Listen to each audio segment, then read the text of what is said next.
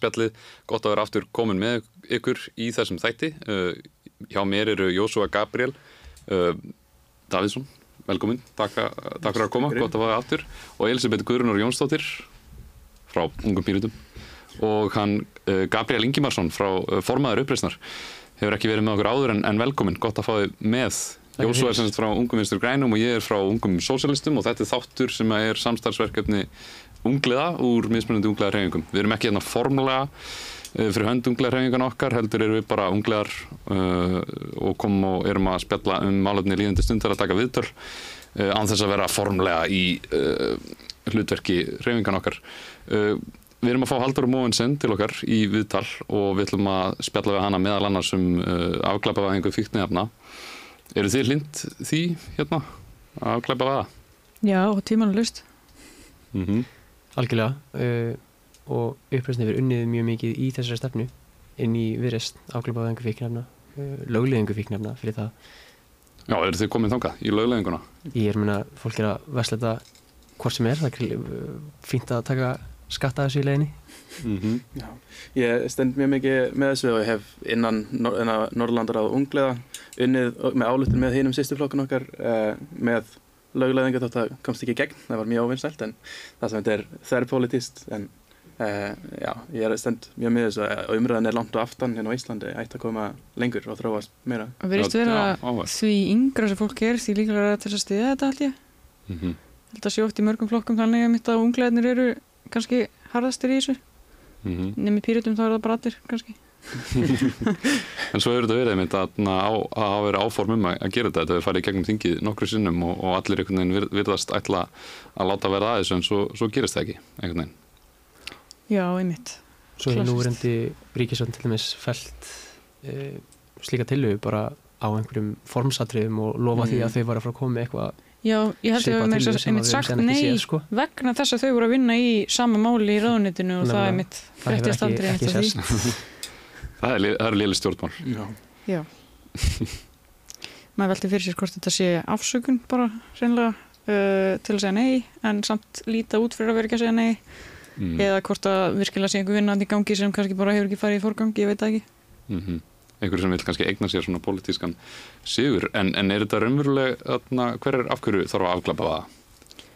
Uh, náttúrulega bara mjög mikill skadi sem fólk verður fyrir út í samfélaginu vegna þess að það er í neyslu uh, bara fíklum eða fólki í neyslu er bara ítt út á jæðarinn í samfélaginu og uh, það er gert að glæpa mönnum og veist, það er jæfnvel fangilsaðið að fer á sakaskrá fyrir uh, það eitt að neyta við möfna mm -hmm. þegar að margir í þessu stöðu er náttúrulega bara klíma við heilsufarsvanda sem að veldur ég að það er þessu stöðu og það er rosalega mikil grimd í því að vera að refsa fólki fyrir það. Já, sýttir fólk enn meira fyrir, fyrir þetta. Og svona glæpa á það. Þetta er náttúrulega oft hópurinn sem er mjög jáðasettur eins og er. Þetta tengis mjög margar aðra raskanir sem gerir það erfitt að lifa og bara uh, fólk sem hefur það erfiðara í samfélaginu eru líklega til þess að vera að glíma við fíknefnavanda mm -hmm. og þá að vera að, veist, refsa þig fyrir þetta er ekki rétt að leiðin þegar þetta vera hafa mannulega leið að, eh, að díla við þetta þar sem þú gefið þeim stuðning og leið til þess að umögulega koma úr þessu ef þau vilja það. Mm -hmm. Ég meina afglöpavengi er líka bara náttúrulega viðbröð við þeirri stefnu sem er nú sem er nú í gildi og bara er búin að algjörlega bregðast þessum hóp. Uh, svo er þetta bara stórt neytendamál, stórt felsismál að fólk sem að vil fá sér eina jónu megi fara að gera það þér er frálst að fara til búð og kaupa þér lítra vodka og drekka hann á kortir eða langa en hvið fór þér frá því að reykja eina jónu á klampratónu sko. mm -hmm. Þetta er mér að menningabundi frekar en þetta sé byggt á einhverjum vísindum það er nokkuð skýrt algjörlega. í gögnunum að já, áfengið er hérna út um allt og til sínis uh, en akkurat uh, en þetta er sjónamið sem að heyrist kannski mjög oft er að þetta er frelsismál líka mm. en svo er að annað búið að vera í deiklunni að það er rýsandi hægri populismi í Evrópu flokkan eins og AFD í Þýskalandi eru bara að fljúa upp í skoðanakonunum konur í eitthvað um 20% hafið verið að hugsa eitthvað út í þetta? Já, ég er búin að velta þessu mikið fyrir mér. Ég, mér er alltaf pínu ókvækjandi þegar þetta gerist. Um, og hvað er að gerast mikið og hefur svo sem verið í, í mörg ár í Európu sérstaklega ég er búin að fylgjast aldrei með í Svíþjóð. Ég man ekki, maður byrja að hafa ágjur á þessu kannski fyrir svona tíu árum síðan þar. Og hefur alltaf verið svona ég verið fegin að þetta hefur ekki eh, hlutið brautagengi á Íslandi fyrir en núna nýlega. Um, það verið vera einhver svona bara eðlisbreyting á umræðinni hérna heima. Og mér finnst það uh, ekki vera góð þróun. En líka bara áhugast að hérna, það geti stemt í einhvers konar meiri hluta á Evrópuþinginu af svona flokkum sem að eru yfirlega ekki lindir Evrópusamstarfunni yfir hugð þannig að það geti haft áhugaður afleggingar, ég veit ekki alveg. Mm -hmm. Það verður skrítið að sjá það ef það geti gerst og gerist. Það sem hefur heyrt um frá þessum löndum til dæmis Svíþjóð og Finnlandi var í kostningunum þegar var að tala um útlendingamál það var ekki verið að tala um þetta sem manneskir, þetta var bara vandamál sem var að koma hingað sem við þurfum að hætta og skera út. Og það var ekki, ekki ekki á þessum stað í umræðinu eh, að draga umræðinu hínu leiðina. Það var bara ekki tilbúið fyrir það og pláss fyrir það. Mm. það veist í kostningu þá verður þetta bara mjög fljótt að gera strax og bara fljótar umræði, fljótsver og það var mjög erfitt að draga þetta í rétta leið. Mm. veginn þá er fólki bara hrætt og e, það er ekki fólkin að kenna þær að kjósa þetta það er frekar þessi flokkar sem eru með þessar hræðilega orðræð og vita hvað þeir eru að gera. Já, þeir eru kannski meðvitað að gera svona, já búið mjög gáðan samt að sjá hérna, og gefa svona ákveðna von að sjá mótmálinn sem hafa allir verið í Þísklandi mm -hmm. uh, wow. í kjölfar þessa eftir ég hefur verið að rýsa í skoðanum, bara fólk að segja þú veist, þetta er ekki mínu nafni, ég er ekki að stiða þetta mér finnst það mjög mm. ádánavert uh, þetta er kannski náttúruleg orsök bara óvissu tíma að fólk fer út í jarðin í pólitíkni því miður, við, veist, við sjáum þetta eftir krísus mm -hmm. eila sama hvar í heiminum sama hvenars uh, að fólk fer út í jæðra í pólitík sem einhverja svona skyndi laust, nefnilega nú er fólk á meinandinu búið að upplifa orgu, krísu og verðbólka þar er búin að vera rosa hátt, þetta er búin að læka meira heldur en hér um, mm -hmm. og þá fólk fer í öfgan þetta er eitthvað svona núverðandi kerfi búið að bregðast mér til að leita þangað mm -hmm. Þetta er kannski einmitt, þetta er uppsprettan af þessu er svona fundamentali að, að grunnurinn að því að kerfið er að er að bregðast fólki og það er að leita í ykkur nýja lausnir. En það er kannski raugreitt að fara út í jæðurinn þegar að miðjan er bara að bjóða óbreyt ástand. Að mm -hmm. fólk vil breytingar og, kannski gerir sig grein fyrir það þarf. Það eru alltaf beislaðan að nota fólks og, beinunum í villisam farveg. Já, vissulega. Ekki fyrsta skipti í sögunni. Ef að fá Halldóru Móensen inn og halda áfram að spjalla með henni? Já Tengum smá básu og komum aftur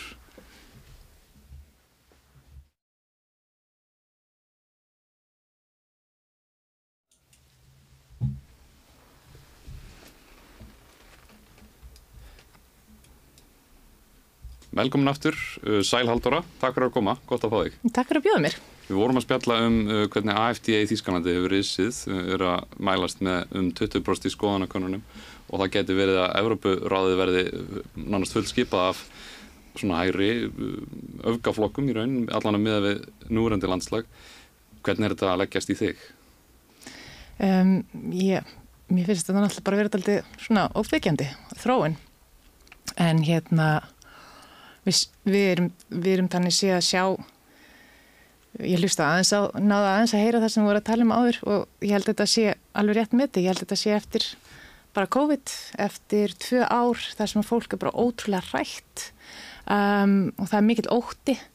Og svo kemur hérna efnahagskrísa mm. eftir það og nú erum við að díla við uh, náttúruhamfarir í þokkabót og hérna á Íslandi sko þannig að við horfum bara kominga heim og ég held að þetta séu svona, við lefum að segja kjör aðstæður einmitt Já. til þess að að toga fólk á jæðarinn á þennan hátt og ég, en sko mér finnst ef við horfum á þetta alþjóðlega þá finnst mér þetta líka verið alltaf feill hjá vinstrinni mm. að vissu leiti að hafa, mér finnst sko vinstri fólk hafa droppa útrúlega mörgum boltum mm. þegar kemur að bara huga að friðhelgi uh, friðhelgi engalífs að huga að veist, mikið af þessum hræðslum sem kom upp í COVID til dæmis og fólk var bara hrætt við þegar, þegar við horfum á þessa hérna, passa sem var verið að búa til þú, veist, þú mættir ekki mm. ferðast á hans að hafa bólusetti og annað. Það voru eitthvað svona friðhelgis hérna, pælingar hræðsla sem komið upp sem var í raun og veru ekki viðegandi uh, við þá passa en er samt alveg vandamál sem við erum búin að vera að díla við þegar kemur bara að, að hérna, stórum tekkfyrirtækjum og samfélagsmiðlum mm. og símanum sem við notum, öll tækin og tólin og við höfum einhvern veginn algjörlega að droppa boltan á því að adressa þessa hræðslu hjá fólki og, hérna, og ræða hana. Og þá hoppar náttúrulega hægri, veist, þessi hægri populista um, veist, þessir einstaklingar og þessar hreyfingar þær sjá þetta og ég held að þetta sé mjög kalkulera hvernig þau bara er að sækja í þennan hóp sem að vinstrið er ekki búið að sinna nægilega vel. Og mér finnst það bara að vera sker í þessi tróun og við verðum að gera eitthvað, við verðum að bjóða upp á einhver svona alternativ, nú er ég slett ógslag mikið fyrir ekki því. Að bjóða upp á til okkur, að bæta æsum ég veit að, að bjóða upp á eitthvað skonar, bara eitthvað annað, eitthvað alternativ við þetta mm. sem að er um, raugrétt fyrir fólki sem að getur hort til og sé bara já ok, þarna er eitthvað sem að, sem að geti fungerað þetta var í COVID að þá var uh, kannski fólk um, og það löngu byrjað að fólk væri að missa trú á stjórnmálunum og á svona, mm -hmm. uh, þessum stopnunum, Európa-sambandinu og sínum eigin ríkistjórnum og svona eins og þú segir að vinstrið er að bregðast og ég myndi segja líka klárlega á aðala í velferðamálum og, og samneyslu og bara efnaðasmálum að, að nýfrælsvíkjan tók við uh, en Það er náttúrulega stór hluti af þessu sko, er nýfrælsvíkjan sem að er svo styrlu hugmynd og svo styrlu hugmyndafræði að taka hópdýr eins og okkur sem að okkar æðsti tilgangur er bara að, að móta tengsl við hvort annað og að tengjast við erum hjörð, þú veist við erum hópdýr og þessi hugmyndafræði um einstaklingshyggjuna er gjörsamlega búin að slíta samfélagi sundur mm -hmm. og það grefur undan sko tröstinu, getinu okkar til þess að vinna saman á tímum sem við þurftum mest að því að halda þannig að það er náttúrulega alveg risastóran hlut í þessu. Við erum að horfa á bara einmannalega faraldur út um allan heim. Það er það slæmt ástand að í sumum löndum eins og Breitlandir við komum ráð þeirra einmannalega til þess að tækla wow. þetta vandamál sérstaklega. Um, einmannalegi, svona ekstrím einmannalegi í langan tíma, hann veldur, þetta er, þetta er svona svipað eins og líkamlega, áhrifin líkamlega sem það hefur á þig svipað eins og ykkur bara lappur upp á þér og kýlir þig og ræðst á þig. Mm. Það er það eh, rosalega áhrifin sem einmannleiki hefur á bara á þig sem mannesku þetta gerur okkur miklu veikari fyrir alls konar propaganda og hérna. Auglýsingum. Auglýsingum. Fólk kaupir miklu meira einmanna og því líður illa og þannig að ég myndi segja degur hagvöxt. Já, sjálfsveit, það gerir það. Það er hrætta og óörug. Það getur selt ykkur meira og svona. Já. Mm -hmm og það er kannski einmitt kemur inn í þetta þetta vantröst sem búið að skapast og trúleysi á stjórnmálina þegar við erum búin að sjá marga stjórnmálamenn í Európu hér heima líka og í bandarækjunum sem að segjast alltaf að svona, hjálpa til við svona grunn hlutina þú veist, við viljum að fá helbriðstjónustu, við viljum að fá vegi sem virka og, og svo framvegis. Við viljum bæta hag fólksins en svo fara þær og gera eitthvað allt annað. Mm. og svo í COVID það var mjög óugnalegur tími og við einmitt fáum þessar, þessar nýju aðgerið sem eru að gremja á borgarréttundum mm -hmm og, og fólk er kannski bara ekki tilbúið í að, að taka við því og, og fer að spörja sig hvað er eiginlega í gangi mm -hmm. og þá kannski fara að koma upp bara rángar hugmyndur um hvað er í gangi Já, já Mér fannst bara magnaði COVID að stjórnmjöld hafi brúðist við. Þú veist, ég hef búin að missa það mikla trú á stjórnmjölum mm. að ég gerði bara ráð fyrir að þau myndi ekki gera neitt. Mm. Þú veist, það komir eiginlega bara á óvart að þau skildi að hafa gert eitthvað yfir höfuð. Komið mm. skemmtilega og svo má svo sem alveg ræðum þú veist hvaða gerir voru góðar og hverjir ekki en, en þú veist alltaf til marg sem lítið tröst frá mér að það komir óvart eitthvað yfir hugur gert mm. Aðgerir í COVID náttúrulega eru til þess allir því að einmannleika faraldurinn verður náttúrulega bara verri við hefum það svolítið gott á Íslandi að það var aldrei hér neitt sérstakt útgöngubann eða svoleiðis en ég meina þú byrði í einhverju tíu fermyndra kompu í pari og svo mátt ekki sá aðra manneski þrjá man, mánuði. Mm -hmm. þetta er ekkert rosalega uppbyggilegt fyrir sálina. Þetta veikir líka ónæmiskerfi það er það mm. áhugaverða við það. Þegar þú ert að einangra fólk það veikir ónæmiskerfi þannig að ert, það, er, það er meir líkur á því að þú verð veik. Og það, það er eitt af þessu þú veist, þegar kemur að aðgerðum í COVID veist, ég skil það, það var gríðarlega mikil hræðsla og það keiri fólk áfram og það verður bara að breyðast við og fara ykkur aðgerðir. En mér finnst aldrei hafa mér finnst skortadaldið um, þess að getu til þess að horfa tilbaka og raunverulega sko gera upp Já, allt ég, sem að var gert, allar það aðgerð sem var farið í þetta er náttúrulega og við kenna skilur, kannski hefðu við geta gert eitthvað annað Þetta er þarna. kollektíft áfall sem við fórum allir Já. gegnum saman og ég held að það sé bara engin vilji hjá neinum til þess að ræða þetta neitt meira Nei. akkurat núna. Það var viðkvæmt Ég- bara, carry on Ég sá í samkvæmdu netinu tala um að hún hafi verið að vinna eitthvað verkefni í skóla um spænsku veikina, ef mann rétt og hún var að leita einhvers konar list eða eitthvað sem væri að glíma við spænsku veikina. Þetta var alveg rosalega stór viðburður í mannkinsögunni og hún fann ekkert, ekki neitt Vá. og var bara af hverju er ekkert af list búið að búa til um þetta og svo fór hún í gegnum COVID Mm. og var bara, já ég skil ég skil, það vill enginn pæla meir í þessu Þetta, er- þetta er svona bæling ykkur. bara, fólk er bara traumatæst En við sáum kannski, eh, bara svona til að taka fram að, að, að, að þau lönd sem að brúðist ekkert við fyrst, að við, fyrst vissum náttúrulega ekki mikið um hvernig vírus þetta væri, hmm. en eins og í Bandaríkjónum og í Breitlandi að þá voru menn bara að gera rosalega lítið úr þessu, þetta væri engin áhætta, en það Mm. dóu alveg helling af fólki út af því Já. aðgerraleysi. En svo kannski með setna meira þá fer þetta að vera svolítið að ganga á langt, að, svolítið óþarfa aðgerri sem var verið að taka. Já, og, eins og gerðist til dæmis í Ítalíu að það er svo sem kannski er ekki stjórnvöldum að kenna, kannski meira bara þetta var einn af fyrstu stöðunum þar sem þetta braust út mjög mikið. Að þú veist, þar bara fór allt kerfið á hliðina og það var allt og mikið fyrir spítalana veist, að því að þetta betist út svo rætt að því að þetta var byrjað að bregðast út ára en að fólk vissi af þessu í rauninni. Mhm. þú veist, það hefði getað gerst hér ef við hefðum ekki skellt öll í lá strax þannig ég veit ekki, það það er sem erfitt er- þakka na, áhört með Ísland er það að vera gert rannsóknin teint nákvæmlega með samsverðiskenningar og hvernig það verið vaksandi á Íslandi með COVID Mm. og almennt og þannig að könnunir hérna á Íslandi síndi að það var ekki sérstaklega mikið vaksandi hér Mm. og fólk almennt treysti mikið bólefnið og Já. treysti stjórnvöld tengt þessu þótt að sem er áhugavert þegar Ísland almennt hefur lága treyst til stjórnvöld meðan til dæmis önnur Norðurlönd en það er samt gott að sjá að Íslandingar almennt treystu hvað sem var að gerast með COVID það er mjög jákvæmt en svo er alls konar ja, jógst trösti á ríkistjórninu á þessum tíma sem var En áhugavert. áfengistrykja jógst líka mjög mikið og heimilisofbeldi, Mhm. það var hrikalegt. Og einmannalegi.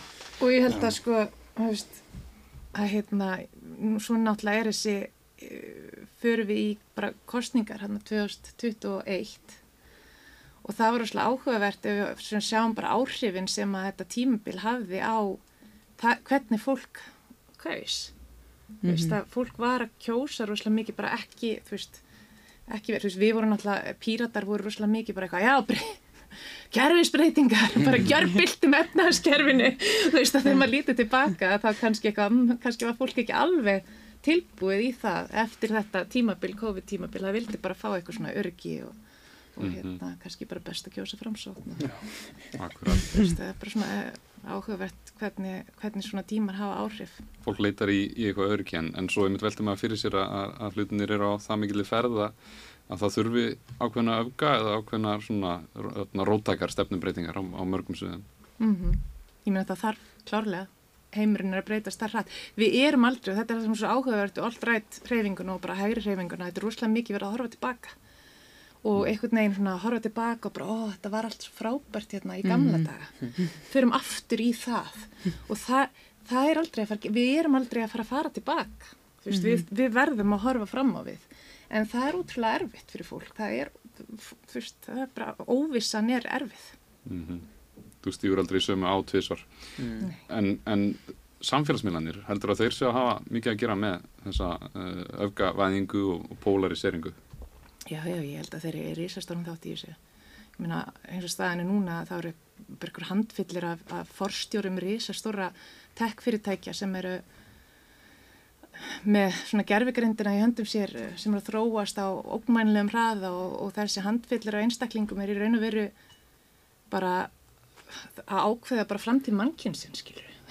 Á rosalega ógagsæjan hátt. Ég heldur sett ekki að íkja. Nei, á meðan að, að hérna, þessi líðræðislegu kerfi um, sem eru hönnuð með það að markmiði að það sé erfitt að bylta þeim til þess að koma í veg fyrir að koma einhverju einræðisherrar og bylti allir kerfinu. Þannig að það er ástæða fyrir því að, að allt gengur rosalega hægt þú veist, í þessum líðræðiskerfinu það er alveg pæling bak við það. En hvernig er það að fara að virka? Hvernig er við að fara að búa til reglur í kringum tækni sem er á svona ótrúlega ræðferð og er bara búið að gjörbildast og breytast áður en að reglur amminir einhvern veginn komin í gegn. Þetta er svona, þetta veldur miklum óta út af því að þessir, þessi handfyllir af forstjórum þar sem þeir eru að hugsa um hvernig getum við grætt mestan pening og allir algoritmarnir og það, tæknin er öll uh, hönnuð í kringum það að græða sem mestan pening sem þýðir að akkurat núna þá er það hvernig fengum við aðtikli fólks uh, á sem skilvirkastan hátt út af því að þannig fáum við einn auglýsingatekjur út af því að við notendurnir, við erum ekkert hérna viðskiptavinir, það eru einhverju aðri sem eru að kaupa allar upplýsingarnar okkar sem að tekfyrirtækinn selja mjög ógagsan hátt, við veitum ekkert hverju að kaupa þetta, við veitum ekkert hvernig verða að nota það, en við veitum að það verða að nota þetta til að selja okkur hluti, það verða að manipulora okkur út frá veikleikun sem þeir finna uh, með þessari upplýsingarsöfnin og það verða að manipulora okkur til þess að kaupa hluti en það líka verða að manipulora okkur til þess að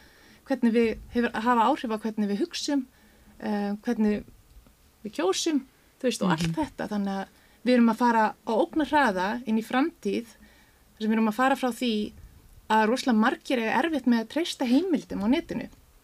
Yfir í það eftir örf og ár, að þá mun enginn geta treyst neinu á netinu þegar við erum komið djúpfalsanir, þegar við erum komið á stað þar sem að fólk veit ekki eins og hvort það sé að tala um manniska á internetinu eða bara eitthvað bota. Mm -hmm. Þetta er svona hvert verðum við komin? Hvernig mun líðræðið halda áfram þegar við erum komin á stað þar sem að, að hérna, fólk bara hefur ekki hugmyndum hvort upplýsingarna sem það er að fá séu réttar eða bara fabuleraðir af gerfigreint sem er bara spinna eitthvað á staðinu mögulega til þess að manipulera þetta. Búið að vera styrla að fylgjast með sko kynnslóðinni sem sagði okkar að trúi ekki öllu sem við lásum á netinu, trúa öllu sem við lesum á netinu. Já. Mér finnst það alveg svo góður punktur að því ég spyr mér alveg hvort að það sé að frá svo lesa við hættum að trúa öllin á netinu Já. eða hvort við förum bara að trúa öllu á netinu. Ég reyna að við sáum fólk er mjög geinkæft fyrir tölvíkjara myndböndum. Mm -hmm. Ég er ekkert andla að safra um það, við munum Nei, við, hægt að treysta öllum heimildum. Sko. Mögulega sko. getum við, munum við trúa, mm. en við eigum ekki Við eigum ekki að gera Við já, eigum ekki að treysta því sko. Þannig að það er bara svona hvernig tæklu við það En veist, þetta er svona, fyrir mér daldi, út í ég er svo mikið búin að vera pæli í gerðurgreindur og lesa um þetta um, út í ég siti í framtíðanemdini og við erum ótrúlega mikið einblýna á þetta núna á gerðurgreindina að mér finnst þetta bara að vera veist, mögulega er ég bara komin á eitthvað svartasta stað. Að hérna, þú veist hvert þetta geti farið. En mér finnst þetta bara að vera að sína svo ótrúlega skýrt hversu mikilvægt það er að fara að færa okkur út úr um, þessum kapitalísku nýfrjálshyggju hugmyndafræði. Þú veist, út af því að auðvita á þetta ekki verið í höndum einhverja fyrirtækja sem eru bara pæli í hvernig þeir geta græðið sem mesta pening að að einhvern veginn mm -hmm. að skapa og búa til veist, þetta er ekki einstaklingarnir sem hefur að móta okkar framtíð fyrir okkur Við hefum myndið rætt þetta hérna aðeins í unglega spjallinu varandi svona samfélagsmiðluna, það er svolítið mm. tengt kannski að þeir eru að hafa þessar alvarlegu aflæðingar út um mm. allt samfélagið og eiginlega í öllum samfélagum en það er ekki hægt einhvern veginn að regluvæða þessa samfélagsmiðla því þeir eru nattrænir mm -hmm. og til þess að regluvæða þá eiginlega þýrti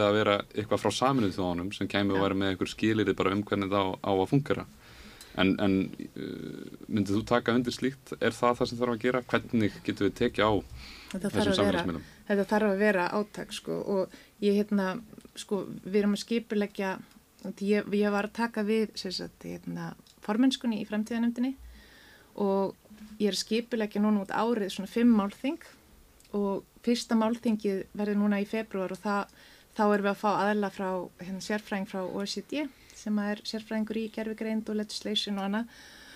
Og einn hérna íslensk kona sem er að fara að tala um það sem er að gerast í Európa-sambandinu og hugmyndin er aldrei einmitt að, að fræðast um það hvernig er verið að taka á þessu með reglurnar í kringu gerfigreind út í heimi og skoða bara að það er rúslega lítið verið að gera. Það er, það er búið að vera Evrópusambandið er búið að koma með eitthvað regluverk en annars er búið að lítið búið að gerast. Og svo út frá því að skoða áhrifin sem þetta getur haft á bara líðræðið, þú veist, eh, mentakerfið vinnumarkaðin, þú veist, allt saman sko, bara áhrifin sem gerfugrindin getur haft á líðræðið, þannig að ég er ekki komið svörun við þessum spurningum með þá mm -hmm. mér, mér finnst þetta að vera eitthvað sem við við verðum að fara að taka alvarlega og ræða og tala um og, og fara alltaf að sjá fyrir okkur hvernig langar okkur til þess að þessi tækni sé nýtt mm -hmm. þú veist, ef við myndum stýra þessu ef þetta væri hagsmunir almenning sem væri sem við værim að hafa leiðaljósi þú veist, hvað getur við gert með þessu? Það er líka mikilvægt að ímynda sér það. Mm -hmm. Þessi miðlar gætu verið miklu, miklu betri. Já. Og, og við erum í rosalegri upplýsingabildingu, þetta er kannski bara sambarlegt að það er að vera að byrja að prenta texta, ef ekki meira. En einmitt þe- þetta er bara svona blind uh, að þróast áfram eftir hagsmunum kapitalista og eins með gerfigreindina sem er stórhættulegt. Já. en ég sá að Björn Levi var einmitt að senda fyrir spurn uh, og þið kannski saman að, til ráðherra ríkistjórnarinn um hvernig þau, hvernig ráðherrarnir sæði fyrir sér að, að nýta gerfigreind í störfum sínum Já. Björn Levi sendi svo mikið af fyrirspurnum, ég næði ekki ég var ekki búin að sjá En þetta er virkilega þörf umræða og, og að fara á nýta Já. vona, já.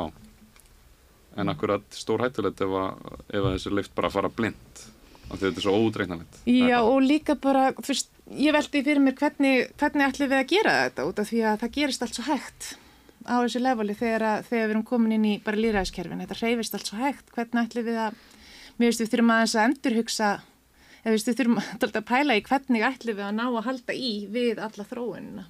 mm -hmm. Ég held að það eina sem við getum gert og þetta hljómar, þetta er alltaf útópíst og að þetta er alltaf, maður þarf alltaf að fara í rótina og við byrjum á því að breyta kvötunum í hagkerfinu, við verðum að breyta kvötunum í hagkerfinu, við verðum að taka þessi gróðsjónamið og aftengja þau þegar kemur á svona tækni. Það er bara, það, það er það eina sem meikar sens fyrir mér. Ég skil ekki hvernig við ætlum öðruvísi að gera þetta. Ég held að þessi svolítið svart sín mynd að eina lausnum við þessu sé uh, samfélagsbreytingar í grunninn, bara hvernig fólk hugsar og hvernig það lifir sínu daglegu lífi. Hvaðanir sem að, þú veist, fyrir því að fólk sé að mæti vinnuna, ég held að það sé kannski, þetta er ekki mjög bjart sín sín á hlutina, myndi ég að segja. Ég held að sé samt bjart sín sín á hlutina við ímyndum okkur heim þar sem að hvatinn á baku það að fólk mæti vinnuna er að því langar að gera það sem maður er að gera Mm. að því það getur unni við það sem það vill vinna við og hefur ástrið fyrir Mhm. Þetta sé mjög, mjög falleg heimsmynd. Mm. Það er eitt svona sem gerir held í gerfigreindina þarna sérstaka er að uh, ef að fyrirtæki eru að þróa sína eigin uh, sína eigin gerfigreind og þeir eru að gefa hana út. Þeir eru að gefa hana út á neti, láta hana gera eitthvað á netinu. Þeir setja þær upp í ykkur tölfur að helstu sérfræðingar heims hafa miklar áhyggjur að þetta getur bara runnið að stað á sjálfu sér og fara að gera eitthvað mjög út, útreiknanlegt þannig að þeir, þeir tala flesti fyrir því að, að þetta sé einhvern veginn þessi, þessi haft heimil á, heimil á þessu að þjóðir og fyrirtæki heims taki sér saman til að vinna þessu skipulega og passi sig. mm. Þannig að þau veit ekki hvað gerist. Það sem ég veist að ákjöra að vera núna er bara svo mikið af rugglu upplýsingum krónar á netið, þú veist, ég var að leita einhverju mjög venjulegum daginn bara, þú veist, á Google. Og öll fyrsta síðan er bara fulla einhverjum svona greinum sem eru alveg mjög greinilega autogeneritaðar og er að segja, þú veist, sömu setninguna þrjusum í röð nema þær eru allar í þversögnu ykkur og ég bara, þetta er ekki alveg upplýsingar. Hvar getur fundið alveg upplýsingar? Út af því að ég veit það ekki, ég þarf að leita að einhverju sem var skrifað fyrir nokkrum árum síðan að því þá veit ég að manneska gerði það. Þetta er svona mjög greinilegt þegar ég leitaði einhverju á íslensku mitt, þá kemur, kemur, kemur fullt á svona einhverjum bara þykjustu Já, síðum eitthvað akkurat, svona. síðan að gerfugreindin lærði íslensku, það er náttúrulega frábært framtak hjá íslenska ríkinu að hérna, reyna að bjarga íslenskunni með því að kenna tækninni íslensku, ég meina það er gott. En núna eru netsvindl allt í núna hættuleg fyrir okkur vegna þess að þau kunna íslensku. Akkurat. Þetta er mjög góð umræða, þetta er mjög þarft að, tala um þetta og, og gera eitthvað í þessu, bara á, á heimsvísu, það er ekki nóg að þessi Ísland. En uh, haldur að þú tala fyrir bæði afglæpavæðingu, uh, fíknefna, Mhm. sem velferðarmál og fleira, en svo sá ég að nýlega varstu á málþingi þar sem var verið að tala fyrir lögleðingu, Já, bara alla leið. Mm Ég hef alltaf verið þar en þú veist, ég hef bara tala minna um það út af því að það er líka svo mikil rugglingur, fólk rugglar rosalega mikið afgleipavæðingu og löguleðingu saman, skilur ekki alveg munin þannig að það er betra að fókusera bara á, þú veist, eitthvað eitt.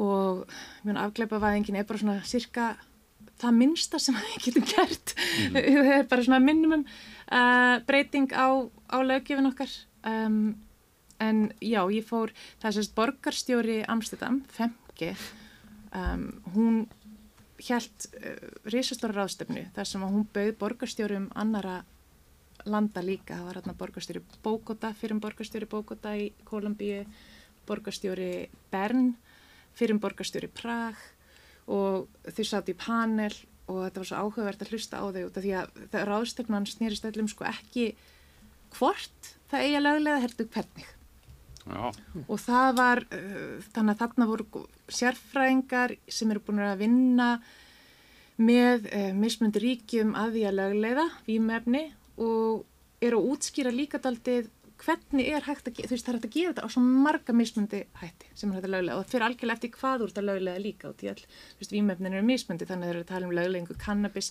það er kannski annar rammi í kringum það heldur en þú löglega til dæmis MDMA eða, eða kokain eða annað og þetta var svo fyndið að sitja í sál með þessum, þessum stjórnmálafólki sem var bara að tala einhvern veginn hispislaust um, um hérna allir sem mismundi výmefni og áhrifin sem þau hafa og hvernig væri best að regluvæða þetta. Og þarna var líka lauruglu fólk, þú veist, lauruglan, hol, hérna, hollensk laurugla og, og hérna, fólk allstæðar að bæði í, úr Hollandi og líka bróti heimi.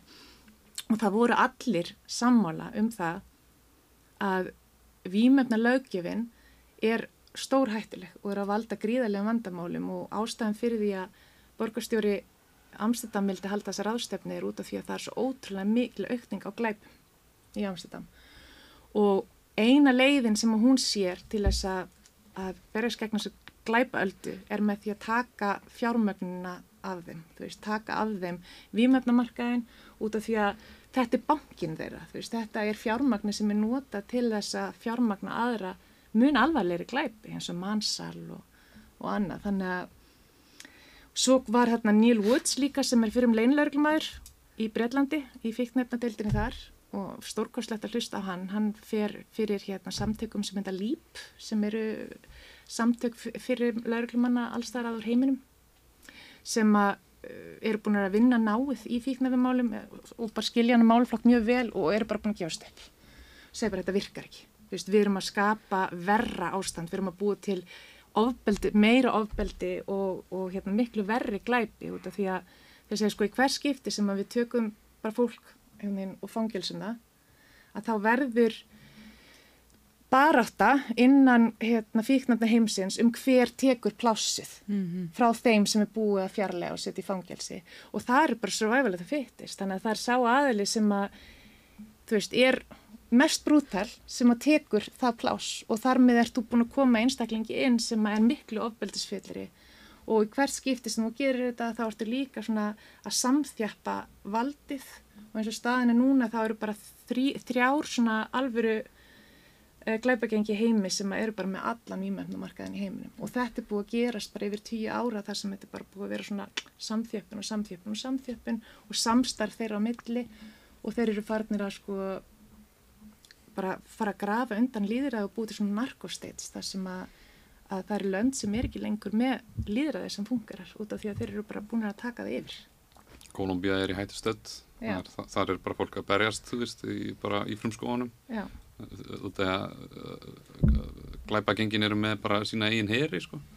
Þetta er rosalett, en nú erum við vörðið um það og eða talað við okkur um það að það séu uh, undirhópar og glæpahópar að koma utanfrá og eru að setja stað á Íslandi og ég held að sé nú rétt að ykkur leiti en kannski þarna, gengi á land með það oft en, en í staðin fyrir kannski að beita meira laurugluvaldi og fara hart í að berast í þá sem að ættu þetta að gera að þarf að gera við ofbeldsfyllt fólk mm -hmm. að væri kannski sniðaræmit að, að kippa undan fótunum að þau get ekki selt výmefni að því að þau eru bara í sörlu hjá hilsugjæslinni eða Já. hvað það er mm. Já, einmitt ég Ég held að þetta sé eitthvað sem við ættum allavega en að skoða út frá bara reynslu annara og, og gagnónum og, en mér finnst þetta mikilvægast líka bara að horfa á það að þetta stríð gegn fíknefnum eða výmöfnum þetta fíknefna stríð það er svo augljóslega feila út af því að við erum að sjá það er, bara, það er alltaf fyrir alltaf að aukast magnið af fíknefnum sem eru á markaðinum ofbeldið, ekst þú veist, við erum að, hérna, kveikþáttur um stöðu fangilsana það sem kemur mm. fram að helmingurna fengum eru inni vegna fíknefnabróta mm -hmm.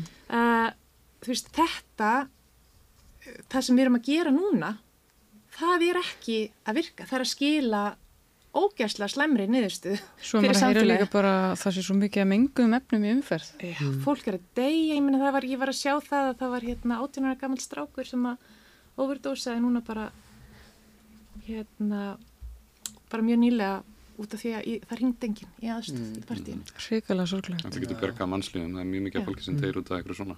En Mm. hvað myndir þú segja við þeim sem að kannski halda að fara ekki bara allir að dópa á, þú veist, bara missa sig í, í nýslu og verða fíklar og, og svona? Nei, út af því að við erum alveg með reynsla af þessu, en sko þótt að þessi aukning í nótkun vímefna, þá þurfum við að spyrja okkur, skiptir það máli? Þú veist, er það það sem við eigum að vera að mæla þegar kemur að árangri? Eða er það um, ef að þú átt við bara eitthvað vanda í neyslinni? Þú veist, ef þetta er orðin eitthvað svona heilbrísvandi eða vandi fyrir þig, er það það sem við ættum frekar að vera að skoða?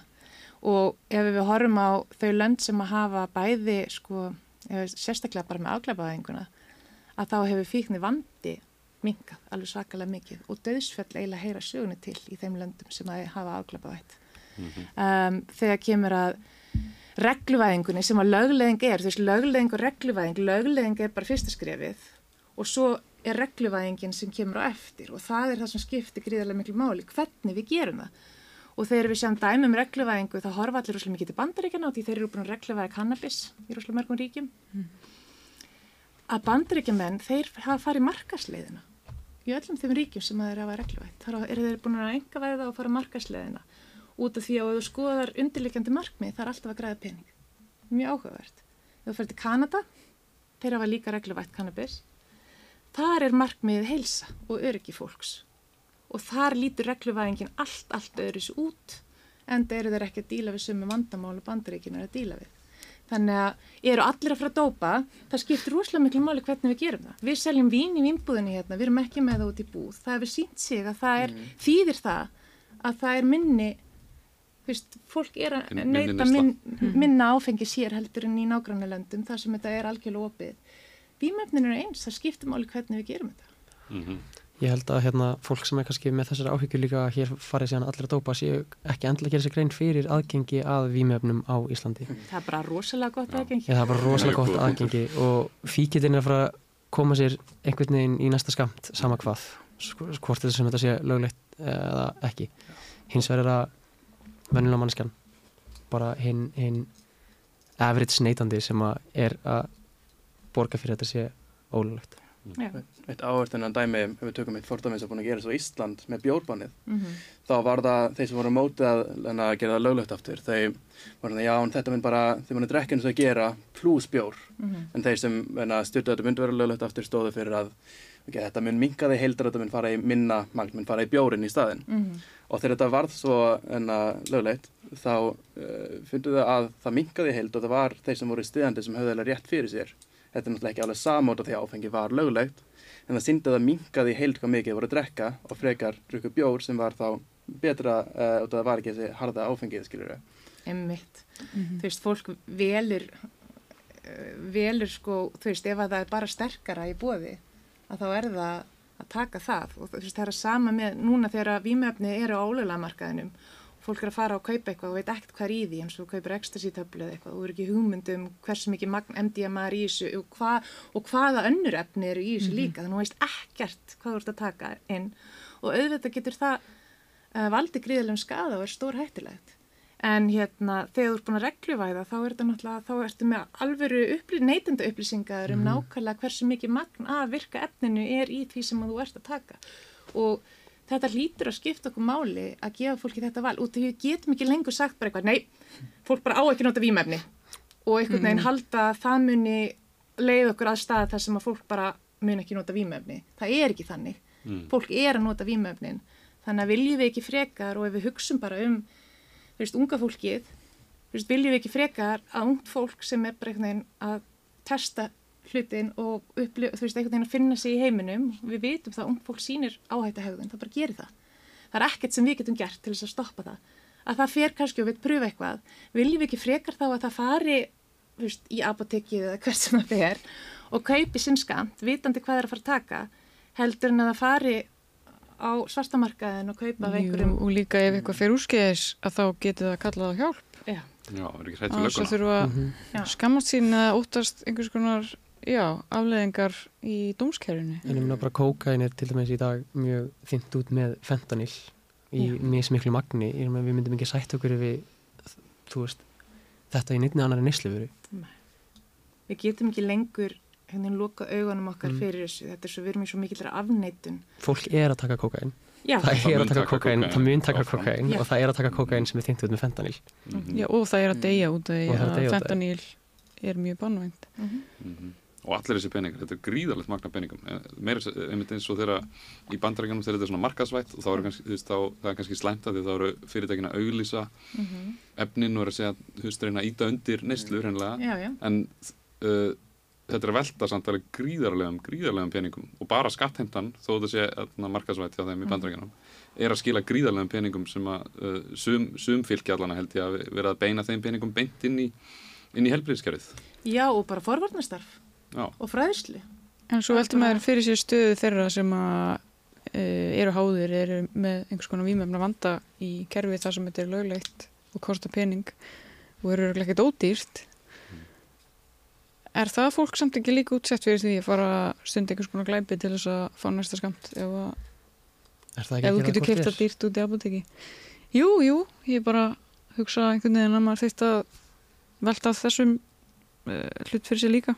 Mm Ég meina þetta er all hlut, hluti af og, þú veist, og við, meðum heldur ekki hugsa að þetta sé eitthvað táralausna þegar að við regluvæðum einhvern veginn öll vímefni að þá muni svartimarkaðurinn hverfa. Mm. og því það er ekki þannig.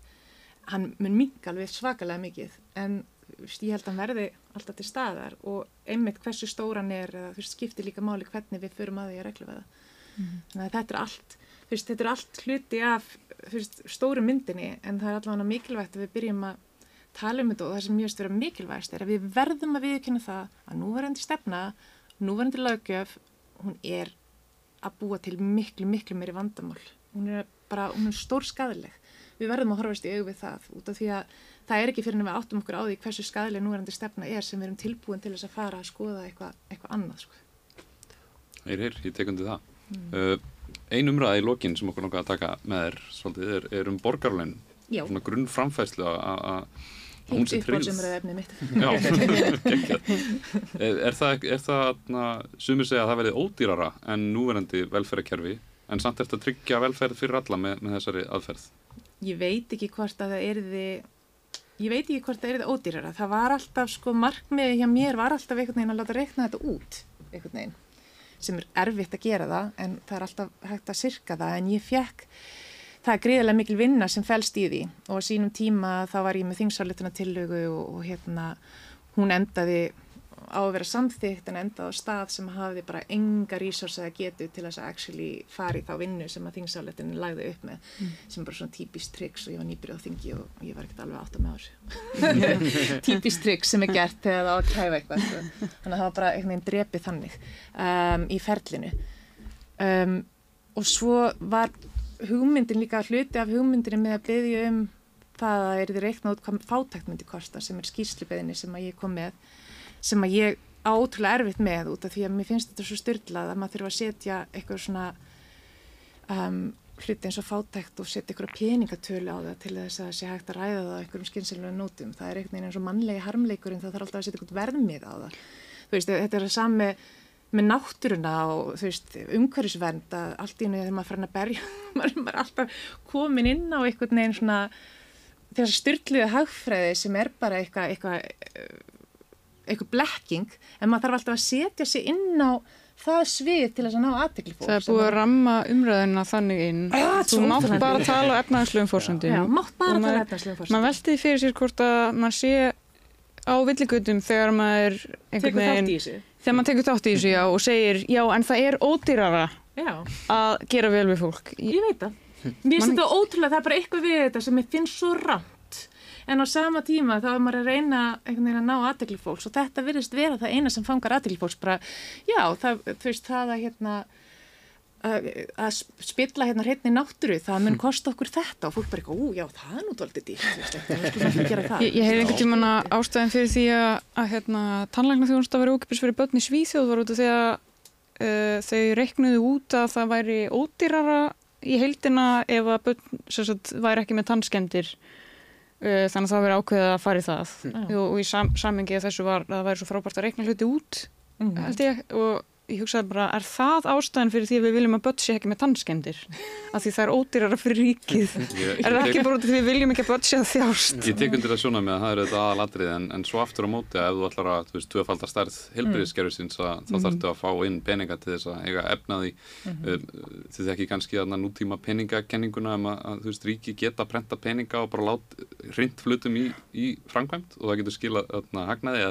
þú veist, það getur aukið velferð. Mhm. uh, en, en þegar við erum að tala um borgarlaun að þá verðum við einhvern veginn að, fjármagna þann grunn alveg öruglega og traustu við erum ekki verið að byggja upp skuldir. Nei, nei, ég, þú veist, le, eina leið, sko, leiðin sem að mér finnst vera skynsamlegust, uh, skynsamlegast að nálgunin er að nota persónuafsláttin og, og okkur langa, þú veist, hug, hugmyndin var rosalega mikið bara fyrsta skref að greiða hann út, eins og hann er núna, bara persónuafsláttin, hvað er hann er þetta, 50, 60, 57, 60 og 60 eitthvað þúsund, að greiða hann bara út til þeirra sem eru ekki að nota eh, þeir sem eru ekki að nýta það er að segja, þú veist, þá er, ég held að þetta kom stúdendum rosalega vel til dæmis og hérna, og þetta er þessi neikvæði tekjuskattspæling.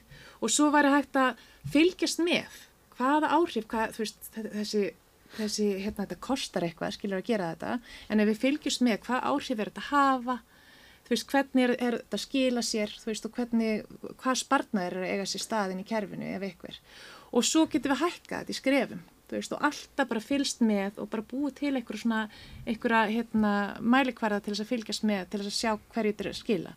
En við vitum það bara út frá þeim tilraunum sem það er gerð með borgarlaun, að þetta skila gríðarlegum, hérna, spartnaðin í helbriðskerfinu, þetta skila spartnaðin í ræssuverslikerfinu, þetta skila spartnaðin í mentakerfinu, þetta, hérna, líka, þú veist, ef við hugsaum þetta sem eitthvað sem heitir taka yfir velferðarkerfi það er náttúrulega það gríðarlegu spartnaði líka.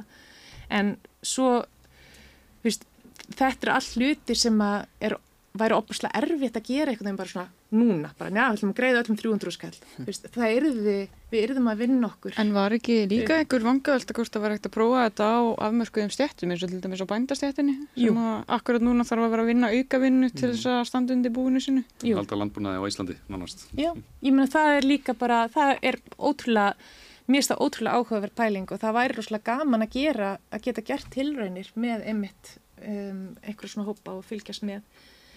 En hérna, það er náttúrulega bara eitthvað sem þyrft að leggjast yfir og skoða hvernig væri best að starta þessu. ef þetta fungerar þannig að þetta eru bara framfærslu laun fyrir alla, alltaf, Mhm. alveg óháð öllu Mm -hmm. að þá, þá skerðu burt alveg fullt af uh, skriffinsku sem Já. þarf að vera í að sjá til þess að, þessi sé að fá bætur og hann þarf bætur og, og lara, mjög mjög margt sem Mhm. gæti farið frá ef, að, ef að þetta er Já, en þetta er líka bara valdeflir. Mér, mér finnst þetta líka svo skemmtilegt út af því að nú erum við að ganga inn í ótrúlega fyrðulega, fyrðulega tíma þar sem að vinnumarkaðurinn er bara að breytast droslega mikið og, og þetta kallar á að fólk hafi einhvers konar sveigjanleika til þess að endurmenta sig eða menta sig áfram. Þú veist, þetta þurfum eiginlega bara að vera í einhvers konar símentin bara út á æfuna til þess að, til þess að halda við, við breytingarnar. En þú veist að eins og staðan er núna við erum til og með kjara viðræðir sem er í gangi núna kjara barata í gangi og ég ímynda mér og ég vona ég sé ekki að hérna fara hérna allt á viðkvæmt svið, en hérna ég, ég ímynda mér að það sé verða alltaf taldi erfiðara fyrir í þessari kjara baratu fyrir verkaleiðina að hérna að krefjast þess að fá launahækkanir út af því að það sem er hættan á að gerist er að fyrirtæki fara bara sjálfsniðvæða meira.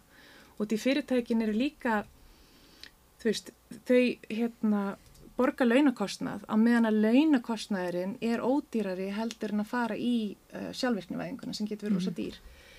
Þegar kemur að því að launakostnaðurinn er orðin rosa hár, að þá geta rosalega mörg fyrirtæki verið bara eitthvað, ég ætla bara að losa mig við hennar launakostnað. Og hvað áhrifin sem það hefur núna er sko, eh, við höfum, sko launafólk hefur svo ótrúlega lítið leverage til þess að, að hérna, út af því við höfum svo lítið vald með launagreðendan. Þannig að með því að vera með borgarlaun að þá valdeflu við líka einstaklinga til þess að hafa meira um það að segja sko hvers konar vinni þeir taka sér og hérna, Ég held að það sé hundurinn grafin þegar kemur að andstöðu við þessar hugmyndir. Nú segjast allir vera móti fátækt og uh, allir saman hvar þeir eru á pólitíska róinu en hins vegar þá er hún í rauninni nöðsynlegt til þess að við alltaf núverandi kerfi uh, af því að þú þart að hafa ákveð mikið af örvæntingu til þess að fólk gangi einmitt inn í þessi lánunastörf og sinni þeim, þú veist, það þarf að vera hrikalegt að vera atvinnulegs til þess að uh, fólk í rauninni láti sig hafa aðstæðunar sem eru á sumum vinnustöðum. Þannig að og það þarf alltaf að vera ákveð hlutfall af atvinnuleysu fólki sem er í atvinnuleit til þess að viðhalda kerfinu eins og það er núna. Að- Atvinnulis er kapitalist fyrir bara erum við að pælingar um borgarlaun þá í samengi neikvæðis tekaskatt þetta eru bara frekar róttakar hægri sinnaðar skoðanir helstu hagfræðingar heims talum um þetta Já, ég meina Milton Friedman kom með þessu hugmynd Milton það. Friedman einmitt til dæmis ég held að hann sé ekki mjög vinsall til dæmis hjá En þetta eru, en þetta eru bara borgarlaun.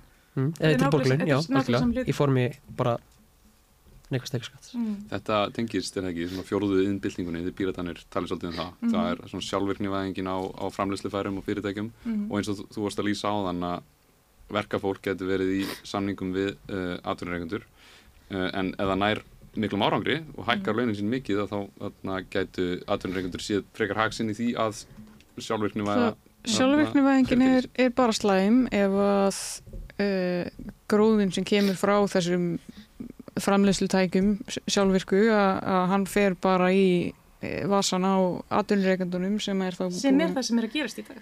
Ég veit það og þetta er bara eðli hagkerfisins að hefða þessi svona í rauninni Mm. þannig að það þarf í rauninni bara að koma í veg fyrir að þessi eh, sjálfvirku framleyslutæki sé að skila gróða einingis í vasan á uh, eigendum og fyrirtækja. það er vinstri að gera það. Það er vinstri.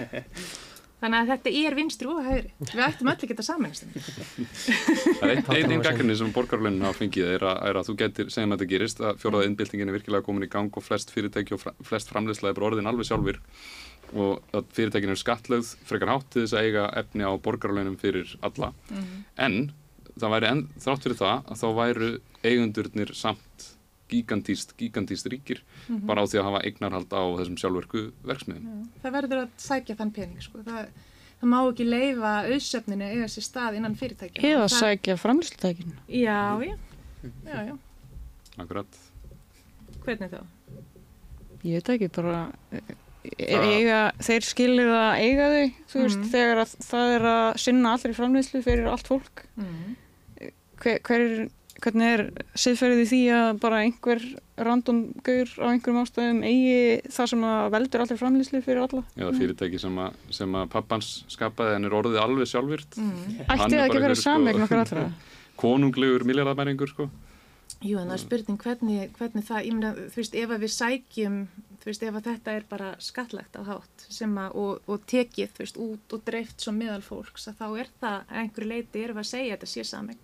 Þú veist, það væri á þeim forsendum sem við værim að gera það. Og það er rökrétt út af því að öll þessi tækni er byggð á uppgötunum sem urðu til uh, vegna sko, styrk, styrkja frá ríki, mikið, mikið af þessu, þú veist, kemur frá ameríska hernum sem er styrt af af hérna skattpinningum og þú veist það er alls konar þú veist þetta eru, þetta eru hérna efni sem eru tekin úr jörðinni sem að við einhvern veginn öll göngum á og veist þannig að þetta er sameinlega eign okkur allra. Mætti ekki, ég sé, sé ekkert að því einmitt, að ef það væri orðin, orðið stort fyrirtæki og segjum bara Alcoa, það er orðið alveg sjálfvirt alveg, það er bara, það er náði hráefnin og það er farið og búið til álið og það er, það er, er flutin á markað og bara búm. Og þá má þjóðvæða uh, fyrirtækið, af því að það, þú veist af hverju ætti það að vera í enga eigu á, á þeim punkt Ég meina, hvað er þröskuldurinn fyrir það? Ég meina, er, það eru tíu stjórnendur eftir, þú veist, er það þá, má þjóðveða þá? Hvað gera þeir? Ég meina, það þarf einhverja það er ég meina, þú veist, hvað þarf að vera margir forritar að farnir úr sjálfvirknivæðingunni, til dæmis? Jú, eitthvað þannig, bara hversu margir eru að vinna og hversu mikil auða við eru að skapast og hversu Hver- fáir Er eru að fá þau manneskja að skapa auðæfin? Mhm. En er sko, eru borgarlaun, eru þau raunhæf í núverandi hagkerfis hugsun? Þú veist, hugmyndafræðin, þú veist, og, og einhvern veginn hagfræðin sem við erum búin að byggja allt samfélag okkar á, sem er fantasía, by the way, meikar engan sens með við núverandi þekkjum mannlega hegðun og annað. Þú veist, er, er borgarlaun, meikar hún sens í því, mér finnst það ekki, út af því ég held að borgarlaun sé líka eitthvað sem væri alveg hægt að nýta í núverandi einhvern veginn fyrirkomulagi, þá væri alveg hægt að nýta það til þess að að hérna gera bara hlutinu verra fyrir okkur, þú veist, bara eins og með allar svona hugmyndir, það verður að maður verður að spyrja sig hver er markmiðið og hvaða kvatar er að reyka þetta áfram. Ef að kvatin er til þess að Silicon Valley geta haldið áfram að, hérna, að græða ógislega mikið pening á hérna Og, en, en samt selt fólki áfram út í Silicon Valley í tekliði það sér alveg ok, það verða ekkert nægilega mörg störf og ef að fólk hefur ekki vinnu mm -hmm. þá er það ekki pening og þá getur það ekki keifta mér vörurnar sem að ég fyrst þarf að selja veist, þannig að mm -hmm. það er verið að hugsa þetta rosalega mikið út frá bara hagvextunum og núverandi hagkerfi um, þá held ég að borgarlegin gæti alveg enda tekið okkur með slæman stað þannig að við þurfum líka að hugsa um þú veist hvernig passar þetta inn í heildarramman og heildarmyndin út af því að það er miklu meira sem við þurfum að breyta heldur en við þurfum að breyta eða svona grunn hugsunin og hugmyndafræðinni áður en við þurfum að setja á borgarlegin. Þetta er úrst að stort verkefni heldur við náum að gera þetta. Það er gott að vita þér í framtíðanu. en takk kalla Haldóra Móðinsson fyrir að koma og spjalla okkur í unglegaspjallinu. Já, takk, þetta var mjög skemmtilegt æði og samstöðunum mínur ég þakka ykkur líka kærlega fyrir Gabriel, þú er mjög velkominn, takk fyrir og þið áhendur eigi frábært kvöld